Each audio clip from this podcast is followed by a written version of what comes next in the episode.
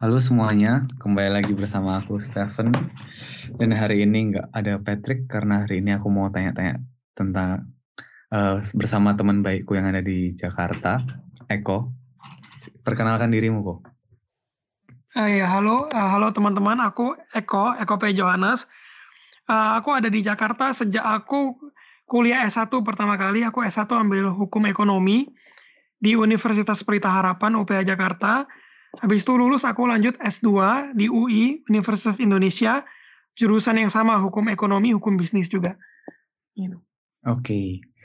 So, jadi kita hari ini mau ngasih kayak gambaran kalau sekolah hukum itu gimana sih gitu kok ke yang dengar di sini. Aku pertanyaan pertama yang aku mau tanya ke kamu, kenapa kamu milih dulu UPH terus habis gitu kenapa UI kok? Alasanmu kenapa? Uh, kalau dulu pilih kenapa UPH gitu? Ya karena karena gini, kalau UPH itu dulu aku pilih karena, uh, dia punya prestasi yang bagus. Misalnya di lomba-lomba nasional dan internasional itu, untuk universitas swasta, UPH hmm. itu, uh, termasuk yang paling bagus gitu.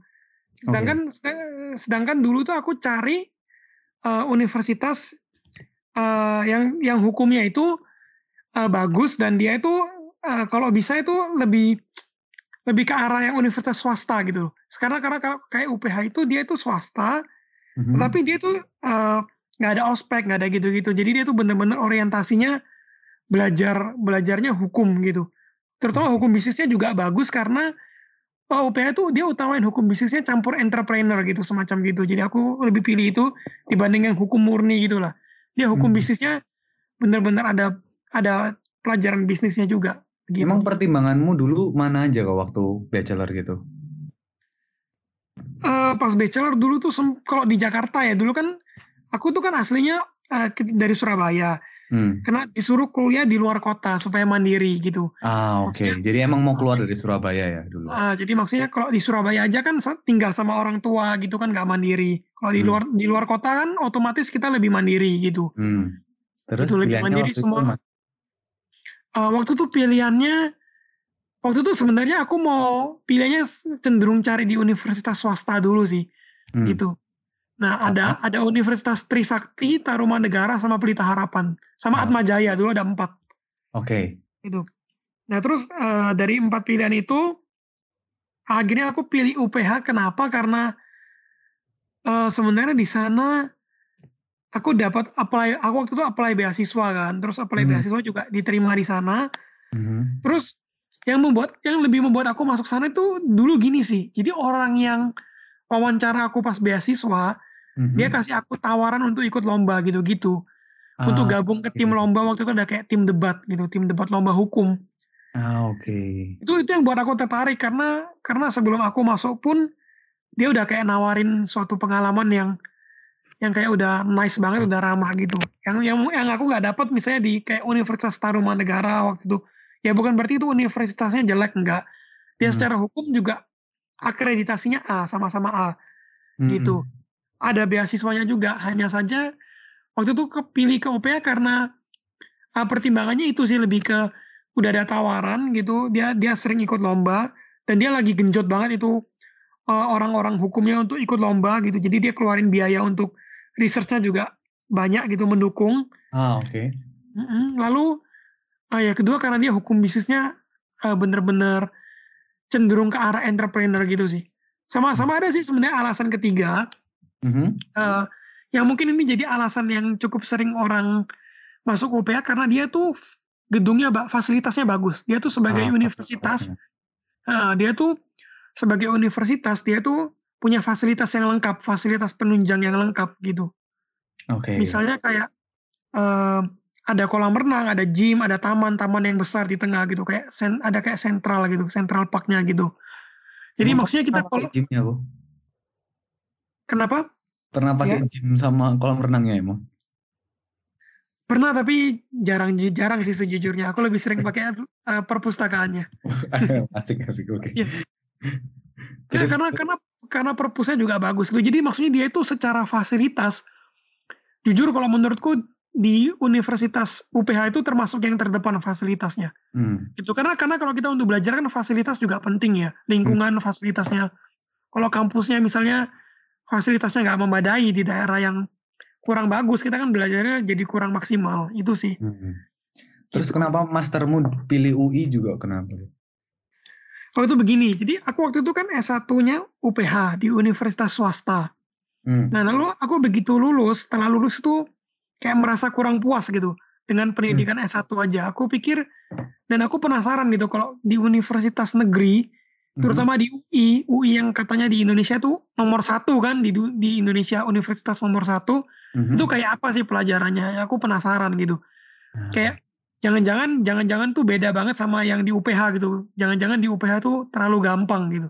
Oke. Okay, aku okay. sempat sempat mikir gitu kan. Itu alasannya aku daftar master di UI. Karena waktu itu masih ingin tahu lebih banyak dan hmm. ingin ingin buktiin gitu apakah apakah bisa di UI gitu. Jangan-jangan aku tuh di UPH waktu itu ya aku lulusnya cukup okay. bagus kan waktu itu lulus cum laude gitu-gitu. Apa apa bisa gitu maksudnya di di UI itu apakah aku juga bisa gitu atau jangan-jangan aku cuma kayak jago di UPH doang gitu sih. Ah, selain UI kamu ada pertimbangan lain juga nggak waktu itu? Nggak ada waktu aku master. Se sebenarnya ada gini sih. UI kan masuknya waktu itu cukup susah. Dia ada tes namanya tes simak UI. Kalau kalian mau S2 itu harus ikut tes. Hmm. Gitu. Dan tesnya itu bukan tes hukum. Dia itu lebih kayak tes ada tes logika, tes matematika, tes ah, bahasa Inggris gitu-gitu. Hmm. Bahasa Indonesia juga ada di tes sih hmm. gitu. Jadi kita harus belajar intinya kayak pengetahuan umum lah gitu, kayak kayak psikotes gitu juga ada. Hmm. Jadi aku pikir kan tesnya susah, sedangkan aku lihat yang diterima itu juga sedikit, nggak nggak hmm. gampang masuk UI. Jadi tapi aku tetap ingin S2 waktu itu. Jadi aku pikir ya kalau nggak keterima di UI, pinginnya sih masuk apa Untar waktu itu karena Untar S2-nya lumayan bagus, Universitas ah, Tarumanegara. Tapi okay. untungnya keterima di UI jadi ya nggak jadi seperti itu. Oke, okay. Kalau gitu Oh, aku lupa pertanyaan yang sebelumnya sih sebenarnya. Jadi pertanyaan yang sebelumnya kalau tarik ke belakang lagi, kenapa kamu hmm. pengen sekolah hukum kok? Kan kita selama SMA, jadi Eko ini temen SMA aku, salah satu yang pintar kan, tapi dalam bidang IPS. Jadi bukan IPS yang cuma main-main, tapi IPS yang benar-benar IPS sungguh-sungguh kan Eko ini. Tapi kenapa waktu itu kamu pengen hukum kok? Alasan? Uh, ya jadi alasan aku pengen hukum itu gini, kalau kita tuh belajar di ilmu sosial di IPS, terutama bagi atau bagi teman-teman yang mungkin SMA-nya jurusan IPS, hmm. itu kan kita harus cari kalau jurusan hukum itu adalah jurusan yang paling konkret untuk kerjanya, untuk jurusan okay. IPS, gitu. Hmm. Karena kalau orang hukum ketika dia lulus, dia tuh udah ada pekerjaan yang pasti. Misalnya dia jadi orang legal di perusahaan, jadi pengacara, pengacara yang bisa pengacara kan juga ada banyak ya tipenya ya. Hmm. Ada pengacara yang hak asasi manusia, pengacara lingkungan hidup, pengacara hmm. untuk uh, pidana, untuk perdata, pengacara kepailitan, pengacara okay. persaingan usaha gitu. Jadi uh, kalau di aku lihat di jurusan hukum itu dia punya karir yang konkret gitu. Kalau anak IPS itu sangat nyambung karena kalau kita belajar tentang sosiologi di IPS, hmm. itu kita belajar ekonomi, itu nyambung ke hukum. Selain selain hukum memang bisa sih masuk jurusan ekonomi gitu-gitu. Tapi kalau waktu itu aku masuk uh, karena jurusan hukum itu menurutku paling cocok dengan tipeku gitu loh tipe okay. tipeku itu kayak suka suka analisa, suka suka suka baca, suka suka dalam suatu kasus. Studi gitu. kasus gitu, gitu ya. Iya, studi kasus dan dan biasanya kalau di hukum itu sebenarnya hukum itu bukan tentang hafalan, dia lebih banyak pemahaman juga sama studi kasus gitu-gitu. Hmm. Seperti itu aja sih. Okay. Terus oke kan itu alasanmu kenapa mau masuk hukum kan. Habis gitu cara daftarnya atau kamu kayak cara masuk ke universitasnya yang UPH tadi sama yang uh, master yang di UI ini step-step yang jelasnya itu kayak gimana sih kok kayak daftarnya gimana atau kayak uh, ya kayak gimana prosedurnya step by step gitu ya oke okay. kalau gitu aku eh, cerita dari pas S1 dulu di UPH hmm. ya hmm. kalau di UPH itu dia itu kalau dulu aku masuknya dari gini biasa dia itu selalu adain pameran di sekolah-sekolah okay. mm -hmm. dia akan buka stand dia akan buka booth gitu mm -hmm dan caranya nggak susah kok. Kalian itu tinggal datang ke booth itu, mm-hmm. gitu. Ini ini opsi pertama ya. Pakai kita yeah. kalian datang ke booth, kalian kalian ambil formulir. Formulirnya kadang ada yang bayar sih, tapi paling cuma seratus ribu gitu, nggak mahal. Mm. Gitu. Lalu habis itu kalian ambil formulir, kalian tinggal isi. Mm-hmm. Kalian tinggal isi, kalian tinggal uh, cantumin data-data yang dibutuhkan. Biasanya pasti uh, kayak standar lah dia tanya. Uh, pertama mungkin kartu mahasiswa gitu-gitu. Bahkan nanti minta ijazah setelah anda lulus gitu. Tapi kalau Anda mau apply beasiswa, Anda juga bisa. Kalau di UPH itu Anda tinggal minta form apply beasiswa, intinya gitu. Hmm. Beasiswa di UPH itu ada beberapa tipe, ada beasiswa akademik. Kalau akademik itu dilihat dari nilai rapot. Kalau Anda pintar secara akademik, tapi hmm. nanti Anda akan dipertimbangkan. Tapi semua itu ada proses wawancara. Dari wawancara dikasih offer. Beasiswa itu bukan bukan uh, dia cuma menawarkan diskon. Jadi kalau hmm. keterima di UPH itu memang dia nggak ada tes sih, paling cuma tes bahasa Inggris gitu-gitu. Jadi Anda bisa habis isi formulir, anda diterima, Anda tinggal kayak bayar biaya pendaftaran kan. Tapi kalau beasiswa diterima, Anda bayar bayar biayanya itu dikurangi, dikurangi persenan diskon beasiswa itu. Gitu. Setelah Anda bayar nilainya kok buat beasiswa? Uh, kalau beasiswa itu setahuku waktu itu nggak ada patokan nilai dia tuh tapi yang pasti dia akan lihat lebih lihat ke apa ya waktu itu mungkin kalau nilai harus minimal pasti 80 ke atas lah ya kan. Oke, okay, oke. Okay. Pas, pasti itu minimal gitu lalu dia tergantung dari hasil wawancara dan biasa dia lihat peringkat juga ya. Aku tahu dia tuh tanya peringkat di kelas kita tuh hmm. peringkat berapa. Oke, okay, oke. Okay, gitu. okay. Terus terus dia juga lihat apakah kita cocok dengan bidang. Waktu itu aku ingat banget kalau diwawancara dia tuh tanya gitu, kenapa dia juga tanya yang sama, kenapa mau masuk hukum? Hmm. aku bilang soalnya aku dulu suka suka tipe yang suka public speaking, suka debat gitu-gitu. Hmm. Dan hukum menurutku cocok gitu dengan itu. Karena hukum itu kalau di pengadilan kita tuh adu argumen sebenarnya. Hukum hmm. itu tentang adu argumen. Gitu. Jadi dari situ dia baru tawarin beasiswa gitu-gitu. Okay. Uh, jadi dari dari situ hmm, paling prosesnya itu aja sih ya, dia lihat nilai gitu-gitu sama itu di, di wawancara seperti itu yeah. kalau yang di UPH hmm. gitu tapi uh, di UPH itu aku tadi lupa jelasin dia tuh tipe beasiswanya ada beasiswa akademik yang pertama dari nilai hmm. kedua tuh beasiswa olahraga jadi UPH itu punya tim olahraga yang terkenal namanya Eagles jadi kalau anda itu mungkin secara akademik biasa aja tapi anda itu jago olahraga entah itu basket futsal berenang anda hmm. bisa apply buat beasiswa olahraga Hmm. Untuk jurusan apa pun ini ya, beasiswa akademik olahraga, kalau Anda keterima, Anda harus gabung ke klub, Anda harus ada latihan, jadwal latihan, tapi Anda dapat diskon. Jadi ibaratnya dia subsidi atlet gitu loh. Ah, atlet okay, mahasiswa. Okay. Itu. Ketiga, beasiswa financial limited. Jadi uh, yang keterbatasan finansial. Jadi mungkin UPH kan uh, cukup mahal untuk kuliahnya. Memang terkenal mahal kan? Oh iya, terkenal gitu. mahal ya, kok. Terkenal mahal dia mungkin universitas swasta yang sering kalau di Indonesia kan sering dibilang yang termahal di Indonesia oh. setelah Presiden University. Nah, tapi jangan khawatir bagi teman-teman yang mau masuk ke UPH, tapi mungkin hmm. ada keterbatasan finansial, gitu itu bisa ajuin beasiswa keterbatasan finansial, hmm. gitu ke uh, eh, UPH pada saat mau daftar. Dan kalau diterima lumayan banget itu diskonnya 75% loh. Oh. Gitu 50 50 sampai 75% gitu. Tapi ada IP uh, eh, setelah setelah terdaftar uh, penerima beasiswa itu harus pertahanin IPK di 3,00 3 dari 4 hmm. itu nggak nggak terlalu tinggi uh, by the way kalau anda terima beasiswa akademik yang dari nilai itu itu IPK yang harus dipertahankan cukup tinggi yaitu 3,75 untuk semua oh, jurusan ya, hmm. ya 3,75 dari 4 kayak gitu itu cara masuk UPH intinya itu sih biasanya dia buka boot tapi sekarang aku lihat ada cara kedua anda tinggal buka websitenya ada itu hmm. di www.uph.edu hmm. gitu. dari www.uph.edu itu uh, dia itu ada admission online jadi anda tinggal pencet yang online online admission habis itu udah ada tinggal daftar ikutin download formulir terus tinggal kirim email gitu prosesnya prosesnya sama cuma bedanya dia via email dia udah lebih canggih gitu. Untuk untuk wawancaranya mungkin tetap harus ketemu kayaknya. Dia biasa ada jadwal uh, ke kota-kota di seluruh Indonesia sih.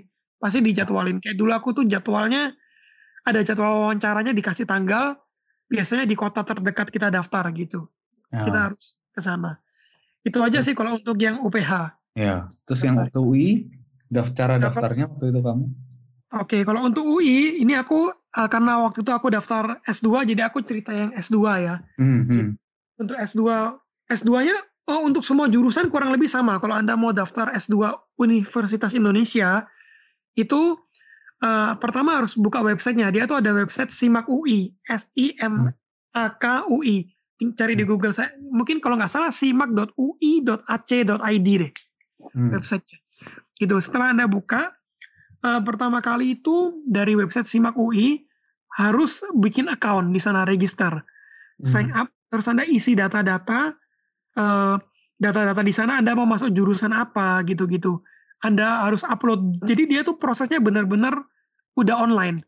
Termasuk kita Ah, upload ijazah, SKL itu kita upload sama upload foto gitu-gitu ke website SIMAK UI itu, Hmm. begitu. Nah, setelah kita upload, kita itu harus bayar biaya pendaftaran di SIMAK UI. Hmm. Itu kalau nggak salah sih satu setengah juta deh, Oh, sekitar satu juta itu, itu adalah itu bukan biaya yang pasti kita diterima, enggak, itu biaya tes, Ah, gitu. oke. Oke. Jadi kita habis itu, kita habis upload SKL gitu-gitu, kalau kita di SKL kita dicek sama dia kan diverifikasi benar sesuai alamat kita upload, KTP gitu-gitulah ya. Hmm. Kita upload, sudah oke, baru kita boleh transfer. Dia akan kasih kita kayak nomor rekening untuk transfer, kita transfer, setelah kita transfer, kita akan dapat tanggal untuk tes. Dan itu tesnya Hmm. rame-rame, biasa ribuan orang bersamaan. Oke. Di UI harus datang, itu adalah tes pertama, Hmm. gitu. Apa aja Tapi tes? tesnya memang, eee, kalau untuk di hukum itu, tesnya intinya tes tertulis sih, tapi satu hari itu selesai. Tapi ada jurusan lain yang wow harus wawancara, itu bisa dilihat di website-nya, di SIMAK UI ada kok. Oh, oke. Dia akan tunjukkan kayak setelah tes ada yang mungkin butuh wawancara, ada yang butuh bikin paper sedikit gitu, kayak semacam paper mini lah gitulah, Hmm hmm hmm. gitu. Kalau di hukum sih, kalau dari pengalamanku, Hmm. cukup setelah bayar kita akan dapat tanggal tes, lalu kita harus datang untuk tes UI. Tes itu ada, eee, tes bahasa Indonesia, bahasa Inggris, sama tes, eee, logika gitu. Hmm. Logika yang kayak tes IQ gitu, kalau kalian pernah Ya. pasti udah pernah tes tes bakat minat gitu, tes IQ, nah seperti itu tesnya, Hmm. gitu. Dan itu banyak banget dijual bukunya di Gramedia untuk belajar, dulu aku juga beli, Oke. gitu. Oke. Jadi jadi judulnya judulnya ya itu, eee, tes biasa judulnya tes SIMAK UI lulus 100% gitu-gitu di Gramedia banyak banget. Oke. Atau tes tes masuk PTN, nah itu Anda tinggal beli buku itu kalau mau belajar dia biasanya ada contoh soal gitu-gitu, latihan dari situ deh, gitu. Oke. Karena karena gini, dia tuh, eee, untuk informasi Anda ya, kalau Anda mau S2 hukum UI, dia tuh sama sekali nggak akan tanya soal hukum. Oh, Gitu. oke. Dia nggak akan tanya soal hukum di, eee, soal-soalnya, kecuali Anda ambil S2 hukum notaris. Jadi kan ada S2 hukum biasa sama S2 notariat. Hmm. Soalnya aku punya temen, Mhm. ketika dia ambil S2 hukum notariat, dia selain ambil tes tadi tuh yang tes bahasa matematika, bahasa Indonesia, oh sorry ada 3 ya benar, 4 deh. Tesnya itu yang yang stan standar itu bahasa Indonesia, bahasa Inggris, matematika, sama logika ya, Mhm. 4 ya. Nah lalu kalau Anda ambil S2 hukum notaris, itu ada lagi tes tambahan, tapi di hari yang sama, tesnya 1 hari itu, itu tes tes pengetahuan hukum dasar. Ya Hmm. biasanya yang ditanya itu pasti kalau yang udah S1 hukum pasti udah tahu gitu, eee, dia harus tesnya kurang lebih suruh tanya tentang akta, tentang pengetahuan hukum secara umum lah, gitu. Hmm. Oh ya sama aku mau bilang kalau S2 hukum di UI, itu Anda itu ketika daftar, S1-nya itu nggak harus S1 jurusan jurusan hukum. Ah, Bisa juga bisa juga S1-nya itu jurusan ekonomi, jurusan sosial, bahkan ada yang S1-nya jurusan dokter, tapi dia S2 hukum. Oke. Gitu, Oh, dokter bisa umum gitu juga? mhm, dokter kesehatan, dia bisa. Cuma kalau dia keterima syaratnya di UI itu Hmm. S2-nya, dia harus ambil mata kuliah matrikulasi atau mata kuliah Ah. penyesuaian gitu. Iya iya iya Jadi iya. dia tuh harus ambil ya dia pasti lulusnya lebih telat karena dia harus ambil mata kuliah istilahnya untuk adaptasi lah, pengetahuan hukum dasar gitu. Banyak tapi mata Git kuliahnya atau tergantung? Eee, setahuku nggak banyak, mata kuliah matrikulasi itu paling, eee, sekitar 10 SKS mungkin atau 10 jam per minggu selama Oh. 1 semester. Nggak banyak juga ya berarti? Enggak enggak terlalu banyak mata kuliah penyesuaiannya itu, gitu. Mhm. Tapi biasanya kalau bukan jurusan hukum itu lebih susah untuk keterimanya, gitu. Mhm. Jadi ya mungkin harus ada kualifikasi lain gitu dan alasan kuat kenapa sih kok mau S2 hukum padahal S1-nya bukan S1 hukum kan, gitu. Ah. Jadi nggak linear gitu. Lalu tahapan selanjutnya gini, setelah Anda tes, kalau Anda nanti ada tanggal pengumuman. Biasanya Mhm. kalau nggak biasanya tuh cukup lama sekitar 2 bulan dari tes, gitu. Lalu Iya. di pengumuman itu aksesnya juga online di website itu simak.ui, Anda login ke akun Anda yang tadi daftar itu, Mhm. lalu di situ dia akan tulis, kalau keterima dia tulis selamat Anda diterima. Nah kalau kalau nggak diterima ya dia tulis mohon maaf Anda belum diterima. Tapi kalau belum diterima berarti uang yang uang untuk tes lu yang tadi 1 jutaan itu hangus, Mmm. gitu. karena karena kan nggak diterima gitu. Tapi ya. kalau diterima, ya berarti Anda selanjutnya harus bayar biaya itu, biaya kuliah. Dia ada biaya uh, eh, BPP gitu-gitu. Kalau aku sih saat ini uh, di UI kemarin ketika diterima bayar biaya awalnya itu 21 juta untuk kayak uang gedung gitu-gitu. Oh, oke. Okay. Oke. Okay. Segitu. Uh, 20 juta, oh, maaf, du, uang uang gedungnya 11 juta, tapi mm -hmm. uang per semesternya 10 juta per okay. semester. Gitu dan dia itu oh, per semester uh, itu 10 juta. Per semester itu bayar 10 juta. Jadi S2 UI itu cukup mahal dibanding S1-nya. Okay. Kalau S1-nya kan ada denger paling berapa ratus ribu gitu per semester. Oh. Kalau S2 ini karena dia itu kelasnya mungkin dianggap kelas kelas profesional ya untuk S2-nya itu. Mm-hmm. Jadi harganya mungkin juga udah cukup mahal gitu. Dan oh ya, saya itu juga ada lagi begini. Kalau S2 hukum itu di UI itu uh, ada dua tipe. Hukum mm-hmm. regu, hukum biasa dan mm-hmm. hukum uh, hukum khusus. Itu okay. gini. Jadi untuk jurusan ini bukan terkait dengan jurusan yang Anda ambil misalnya kayak anda bisa ambil hukum ekonomi, hukum lingkungan, hukum sumber daya alam, hukum tata negara. Tapi kalau hukum reguler dan hukum khusus ini ada dua tipe, itu yang membedakan tuh jam kuliahnya. Kalau hukum khusus itu selalu jam kuliahnya setelah pulang kerja di atas jam 5 sore. Ah, oke. Okay. Paling okay. cepat jam 5 sore itu hukum khusus. Dia lebih mahal, dia per semester 12 juta, ya beda sedikit. Hmm. Kalau hukum reguler yang kayak aku ambil sekarang, itu hmm. per semester 10 juta, tetapi jadwal kuliahnya itu pagi, jadi seperti S1. Hmm, hmm, hmm. Gitu. Dan ini rata-rata di jurusan S2 UI itu selalu ada pilihan gitu. Untuk juru S2 ekonomi juga aku lihat begitu. Gitu. Hmm. Nah, keuntungan kalau ambil hukum reguler, dia tuh lulusnya bisa cepat, bisa satu setengah tahun. Oke. Okay. Gitu. Karena dia kan kuliah pagi, jadi jadwalnya lebih padat gitu. Oh, okay. Nah, kalau yang hukum khusus itu kan kuliah malam, jadi uh, subjek yang diambil lebih sedikit per semester gitu. Jadi otomatis lulusnya lebih lama, bisa dua setengah tahun biasanya kalau hukum. Ah, oke. Okay. Gitu. Tapi bedanya kan dia mungkin bisa sambil kerja bagi yang udah kerja, hmm. gitu. Tapi kalau bagi yang mau fokus kuliah, misalnya baru lulus kan, fresh graduate mau langsung uh, eh, S2 hmm. dan ingin cepat lulus S2 ya bisa ambil yang S2 reguler pagi itu. Jadi kelasnya pagi. Gitu. Hmm.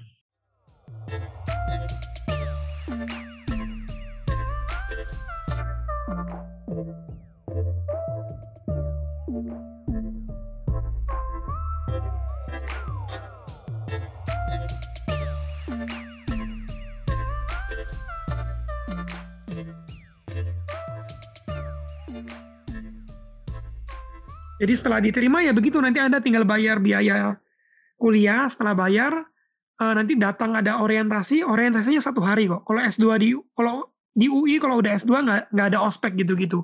Mm-hmm. Dia cuma ada satu hari pengenalan.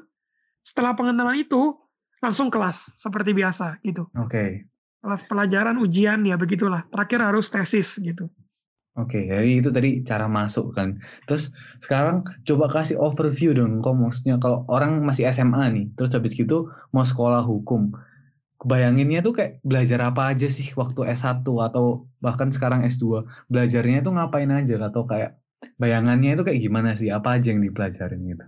Atau mungkin kalau ada kayak pendalaman kayak jurusan-jurusan waktu S1 gitu kayak apa aja pilihannya gitu.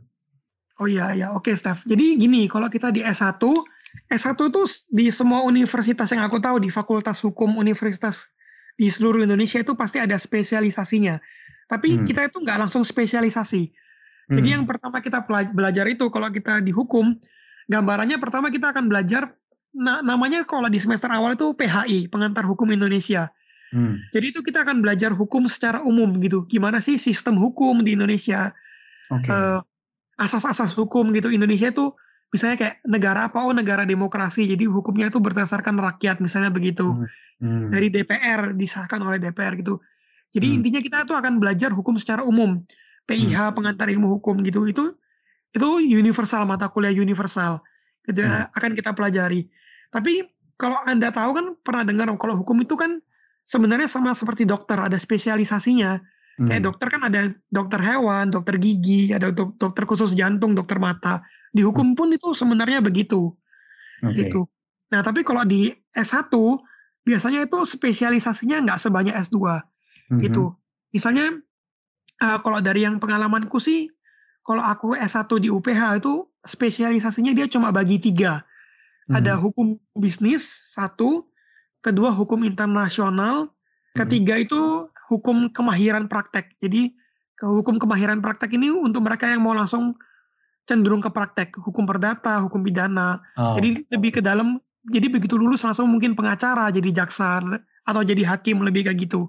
Hmm. Itu kalau kemahiran hukum spesialisasinya. Kalau spesialisasi hukum internasional, dia itu lebih ke belajar ke hukum internasional, hukum perdata internasional, hukum WTO, gimana World Trade Organization, hmm. uh, belajar tentang konvensi internasional itu lebih diarahkan ke mereka yang mungkin mau masuk hukum untuk jadi diplomat, untuk jadi duta besar, gitu. Ah, okay, okay. Untuk mungkin kerja di PBB. Bahkan saya punya teman ada yang gitu yang uh, mau maunya kerja di organisasi internasional di UNICEF gitu-gitu.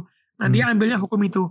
Okay. Kalau ketiga hukum bisnis, uh, ya kita udah tahu ya kurang lebih dia akan belajar tentang uh, hukum bisnis secara umum lah. Dalamnya ada hukum kepahitian, hukum persaingan usaha, kekayaan intelektual.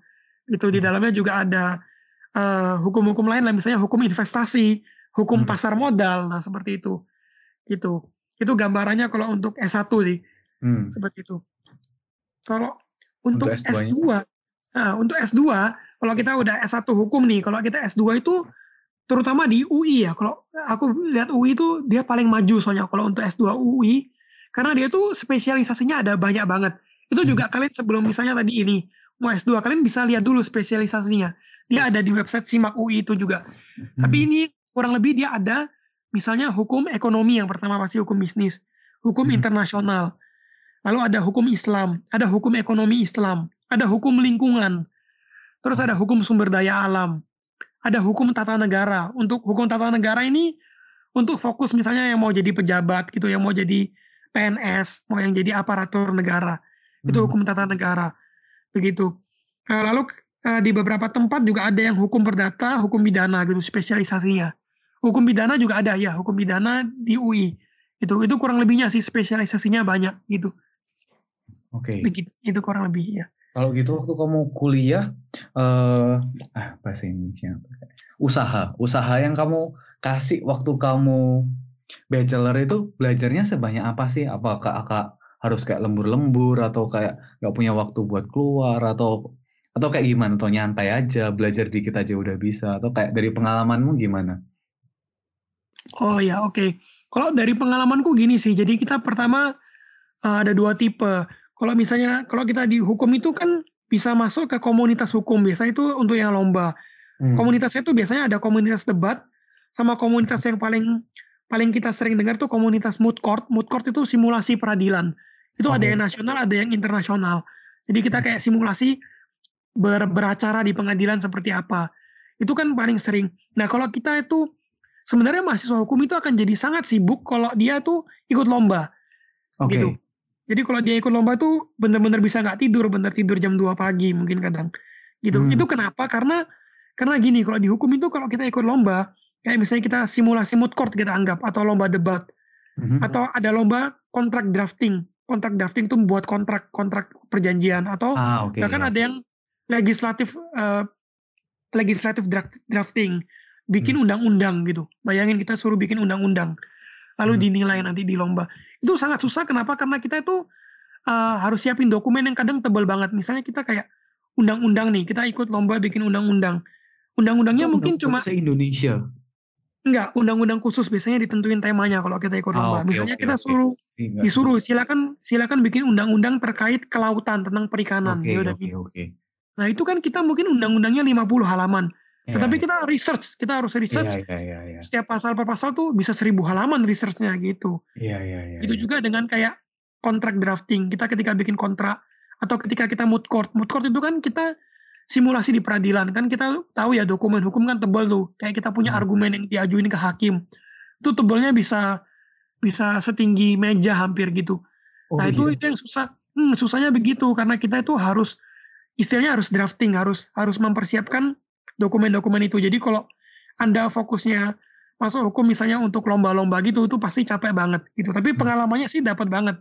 Kalau kayak hmm. dulu aku tuh pengalaman kayak pernah lomba debat, lomba kontrak drafting gitu ya. Memang capek. Tapi hmm. itu uh, bernilai pertama buat CV juga nanti kalau untuk kerja kan punya pengalaman yang bagus gitu. Mm -hmm. Apalagi kalau menang lomba gitu-gitu.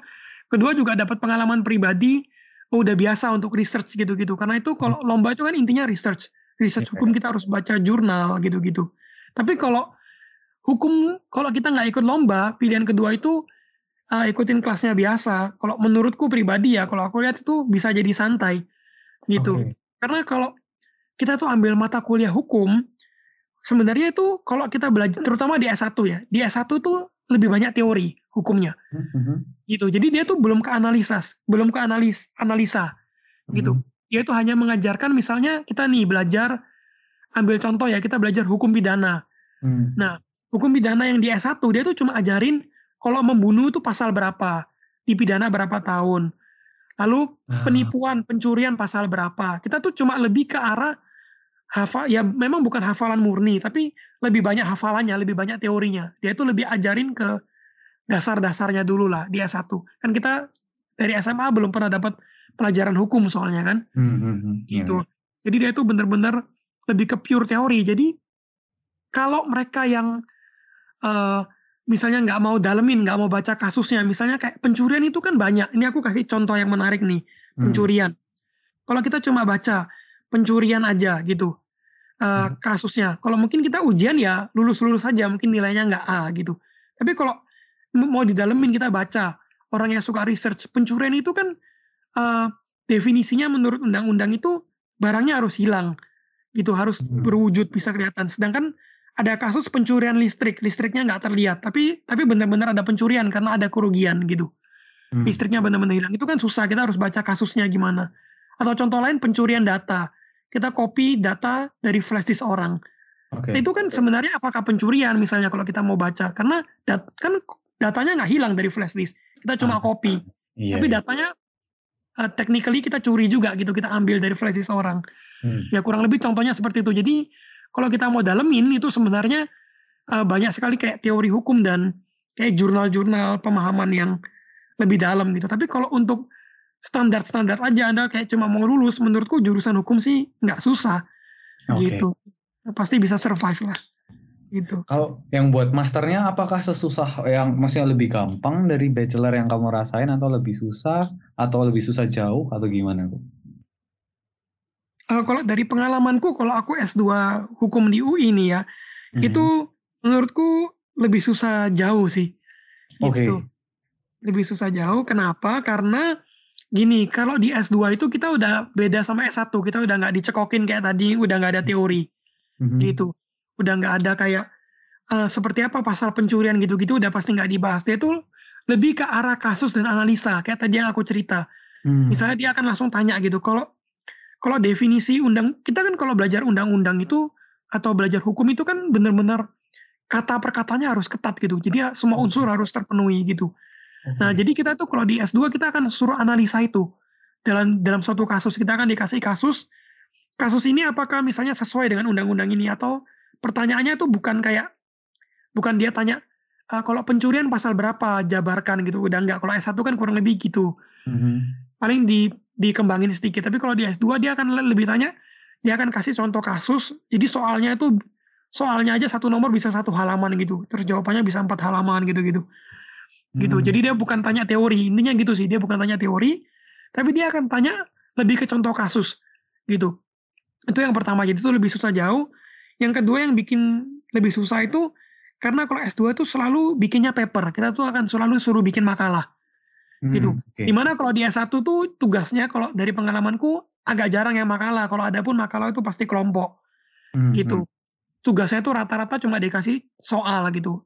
Paling kita jawab soal gitu kayak lebih ke teori pemahaman kita research teori apa sih yang dipakai misalnya terkait hukum kepailitan gitu-gitu teori apa terkait hukum merek gitu tapi kalau di S2 dia suruh kita bikin paper lalu papernya tuh udah standar yang ada rumusan masalah gitu-gitu udah ada research method harus ada metode penelitian itu yang jadi susah dan kalau mata kuliahnya kadang kayak aku ambil ada 8 mata kuliah biasanya tuh 8-8-nya pasti suruh bikin paper hmm. gitu. Ya, ya. Paper sebagai tugas gitu-gitu selalu bikin makalah gitu. Jadi kita harus research mau nggak mau.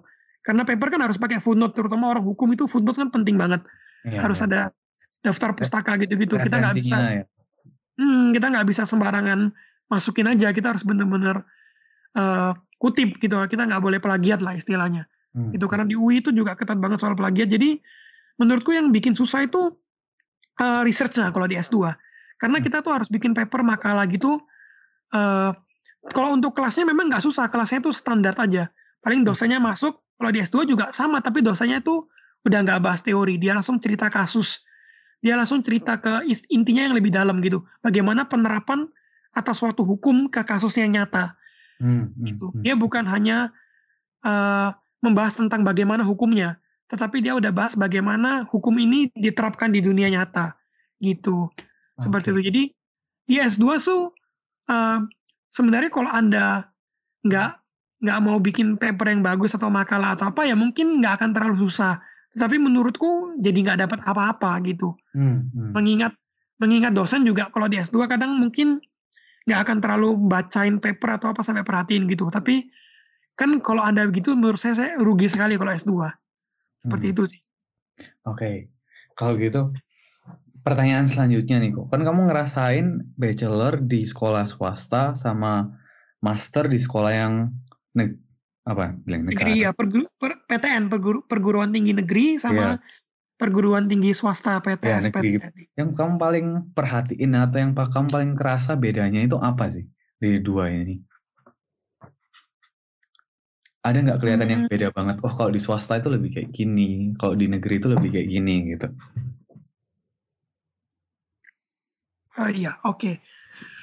Uh, eh, kalau untuk perbedaan secara materi ya, kalau secara materi sih aku jujur nggak kelihatan. Maksudnya secara hmm. pelajaran gitu, uh, kurang lebih mungkin sama ya maksudnya karena kita kalau belajar hukum ya pasti kayak contohnya buku-buku buku-bukunya itu sama buku buku referensi misalnya kita belajar hmm. hukum perjanjian gitu oke okay. ketika aku S2 buku yang di buku yang S1 UPH itu juga dia tuh pakai dari buku buku-buku di UI gitu yang bagus nggak harus di UI hmm. sih itu tetapi kalau ditanya soal perbedaan yang paling mencolok ya hmm. mungkin uh, lebih ke soal fasilitas sih sejujurnya ya Walaupun okay. sekarang UI pun udah berkembang jadi lebih bagus. Kalau karena kalau waktu itu aku dulu di UPH seperti yang aku bilang itu kan fasilitasnya bagus banget dia tuh kayak ada taman, ada kolam renang, ada lounge gitu-gitu. Hmm, hmm, hmm. Bahkan uh, ada ini ya uh, apa ada tam, ada tempat parkir yang memadai. Kalau aku waktu itu di UI jujur UI Salemba nih waktu itu aku hmm. kalau di S2 itu sebagai informasi dia tuh lokasinya kampusnya bukan di Depok tapi kebanyakan di Salemba. Itu mm -hmm. ada juga yang di UI Depok sih. Contohnya notaris gitu di Depok. Tapi mm -hmm. kebanyakan itu kayak Anda S2 ekonomi, S2 sosial gitu atau S2 dokter spesialis yang dokter kesehatan tuh di UI Salemba. Itu tuh dia tuh punya fasilitas kurang memadai. Okay. Gitu. Menurutku ini sebenarnya bukan untuk menjelekkan perguruan tinggi negeri, tapi perguruan tinggi negeri itu karena dia itu menjadi favorit, dianggap lebih selalu dianggap lebih bagus ya yang punya negeri daripada swasta. Mm-hmm. Dia tuh kadang lupa untuk meningkatkan fasilitasnya, gitu. Okay. Karena kenapa? Karena dia nggak usah ningkatin fasilitas pun yang mau masuk sangat banyak gitu sudah ngantri. Sedangkan kalau swasta kan nggak segampang itu, dia harus marketing, harus apa. Sehingga menurut saya kekurangannya itu kalau di PTN dia kurang memperhatikan fasilitas, gitu. Kayak contohnya saya waktu itu ya, uh, contohnya untuk parkir, parkir itu di UI Salemba tuh terbatas banget gitu. Hmm. Parkir mobilnya. Jadi orang harus parkir di gedung sebelah, gedung gedung bukan UI, harus jalan kaki gitu. Hmm. Terus dia kayak di dalamnya tuh gedungnya udah tua, kadang belum diperbaiki gitu. Walaupun memang pas aku masuk sih udah udah lebih bagus baru direnovasi gitu. Oke okay, oke. Okay. Dan dan dan masih direnovasi sampai hari ini. Masih okay. perbaikan gitu. Jadi jadi mungkin ketinggalannya di aspek itu ya sejujurnya. Yeah. Kalau Paling mencolok gitu ya berarti dari fasilitas ini yang itu ya. Perbedaan biasanya lebih ke fasilitas, bukan bukan soal pelajaran. Kalau pelajaran mungkin saya nggak lihat yang ada beda sih. Oke. Okay. Gitu. Oke, okay, pertanyaan terakhir kalau gitu. Prospek kerjanya kalau sekolah hukum itu yang dari kalau dari jurusanmu yang sekarang hukum apa tadi Hukum Ekonomi, hukum bisnis. Ekonomi lah. bisnis, oh ya, aku mau bilang industri tadi. Yeah. Bagi hukum ekonomi bisnis, prospek kerjanya itu kayak gimana sih kok kayak bayangin kalau udah sekolah kayak kamu gitu? Oke, okay, untuk uh, prospek kerja ya. Uh, hmm. Untuk untuk prospek kerjanya ini uh, mau dari yang kalau lulusan S1 hukum atau S2 gitu? Dua-duanya aja, sepengetahuanmu. Oke gitu. Oke, aku mulai dari S1 ya. Kalau S1 S1 hukum eh, gini, terutama kalau dia ambil hukum bisnis, banyak yang aku lihat dia tuh bisa masuk ke ranah bisnis juga. Contohnya dia jadi uh, kerja ikut manajemen trainee gitu. Hmm. Di bidang marketing, finance bisa karena dia tuh dasarnya juga hukum bisnis, pelajari ekonomi juga. Jadi pasti sedikit banyak tahu tentang ekonomi. Jadi bisa masuk sebagai staff kantor in general ya gitu. Hmm. Bisa kerja itu uh, kedua juga bisa langsung jadi pengusaha gitu. Biasanya aku pernah lihat juga temanku yang uh, yang buka bisnis startup gitu-gitu bisa prospek kerjanya. Terutama di bidang hukum kan banyak juga tuh startup hukum kayak hukum online gitu-gitu. Ah, jadi okay, okay, okay. jadi dia bisa bisa bisa wirausaha istilahnya karena dia kan ngerti hukum dan dia hmm. bisa mencari apa sih yang dibutuhkan orang hukum gitu. Jadi dia menciptakan startup company bisa. Lalu yang kalau yang selanjutnya yang standar ya lulusan hukum prospek kerjanya itu bisa jadi uh, penegak hukum contohnya uh, jadi jak, jaksa jadi hakim banyak juga yang sekolah hukum lalu jadi polisi daftar polisi atau bahkan hmm. militer itu untuk kalau untuk pemerintahan ya kalau untuk pemerintahan dia bisa gabung ke jaksa hakim polisi itu pemerintah bahkan gabung ke instansi pemerintahan juga banyak temanku yang masuk PNS contohnya hmm. kerja di Kementerian Hukum dan HAM ada hmm. juga yang masuk di Kementerian Luar Negeri gitu. Hmm. Karena dia biasa kan Kementerian Luar Negeri kan carinya orang hukum juga. Seperti itu.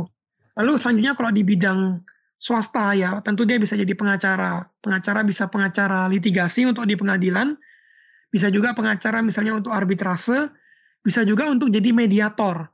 Banyak banget hmm. sebenarnya prospek hukum itu jadi mediator untuk perdamaian, bisa jadi kurator untuk kepailitan, likuidator, begitu. Bisa juga jadi uh, legal jadi jadi jadi staf legal untuk di perusahaan-perusahaan kan dia biasa ada staf legal yang mengurusi hmm, okay, okay. Uh, bidang hukum gitu dan ada biasanya juga gabung sama HRD human resource gitu hmm. karena itu terkait dengan hukum tenaga kerja jadi dia kerja di human resource seperti itu itu kalau S1 kalau S2 juga kurang lebih sama bedanya hmm. dia lebih profesional biasanya kadang ditempatin di level manajemen kadang udah jadi supervisor gitu kalau S2 ah, oke okay. gitu dan kadang ada program-program tertentu kayak manajemen trainee gitu-gitu yang uh, minta lulusannya minimal S2 hukum gitu. Hmm. Di tertentu ya tapi. Lalu kedua kalau S2 hukum sih prospek yang mungkin nggak bisa didapat kalau Anda cuma S1 hukum ya jadi dosen. Karena hmm. kalau dosen itu minimal harus uh, eh, S2 gitu untuk ngajar di S2 uh, eh, universitas untuk ngajar S1 begitu. Jadi kalau Anda udah S2 hukum Anda itu punya peluang untuk jadi dosen fakultas hukum gitu di seluruh Indonesia bisa lam bisa ini bisa lamar. Itu sih paling kalau untuk prospek kerjanya. Oke okay. kalau gitu ya terakhir pesan terakhir buat kamu buat anak-anak yang SMA sekarang atau ya orang mana pun yang mau sekolah hukum pesanmu apa kok buat mereka? Apa yang harus disiapin atau apa yang mereka harus ya pikirin gitu? Oh ya oke. okay uh, gini kalau kalau pesanku untuk uh, orang yang baru ma maksudnya anak SMA yang akan masuk ke jurusan hukum, menurutku yang paling penting itu Anda itu tentuin Anda itu kar uh, Anda itu passionnya di mana, karir hmm. karir karir setelah lulus hukumnya mau ke arah mana. Ini penting kenapa? Karena untuk tentuin uh, mau ambil spesialisasi hukum apa gitu. Karena karena spesialisasi hukum itu juga penting untuk ke depannya gitu. Termasuk juga untuk S2. Contohnya hmm. begini, misalnya Anda dari eh, dari SMA udah mikir nanti lulus mau jadi notaris gitu. Hmm. Nah, itu Anda berarti S1-nya itu udah harus fokus ke misalnya hukum kemahiran gitu atau buku yang pasti bukan hukum internasional gitu-gitu karena notaris kan nasional gitu. Hmm. Lalu habis itu begitu lulus harus langsung ambil S2 dan S2-nya jangan lupa nggak boleh ambil S2 hukum, harus ambil S2 notaris gitu. Hukum hmm. notaris bukan S2 hukum. Karena kalau syarat untuk menjadi notaris di Indonesia itu harus S2 hukum notaris lurus gitu. Kalau enggak hmm. nggak bisa. Gitu. Jadi menurutku itu penting untuk menentukan passion karena anggapannya kayak hukum itu mirip kalau kita mau sekolah dokter gitu. Anda mau jadi dokter gigi, dokter mata, atau dokter anak atau dokter hewan, nah itu harus disiapin lalu ambil jalan yang sesuai. Jadi Anda dalemin bidang hukum itu. Bukan berarti bidang hukum lain nggak didalemin, tapi harus fokus ke bidang hukum yang mau didalemin gitu. Hmm. Seperti itu aja sih pesannya. Jadi harus tentuin passion. Lalu lalu dalami bidang hukum itu, bidang hukum yang menjadi passion Anda. Kalau mau jadi diplomat, kerja di Kementerian Luar Negeri, dalaminya hukum internasional harus gitu. Karena hmm. hukum kan sangat luas kalau mau didalamin semua ya memang pusing gitu. Yeah, harus ada fokusnya. Yeah. Gitu. Oke. Okay. Hmm. Oke, ya udah itu aja sih dari kita hari ini supaya yang dengerin juga bisa dapat overview atau dapat bayangan gimana sih sekolah hukum, terus kalau masternya gimana. Ya, itu aja sih dari kita. Semoga bisa bantu kalian yang dengerin. Oke, dadah.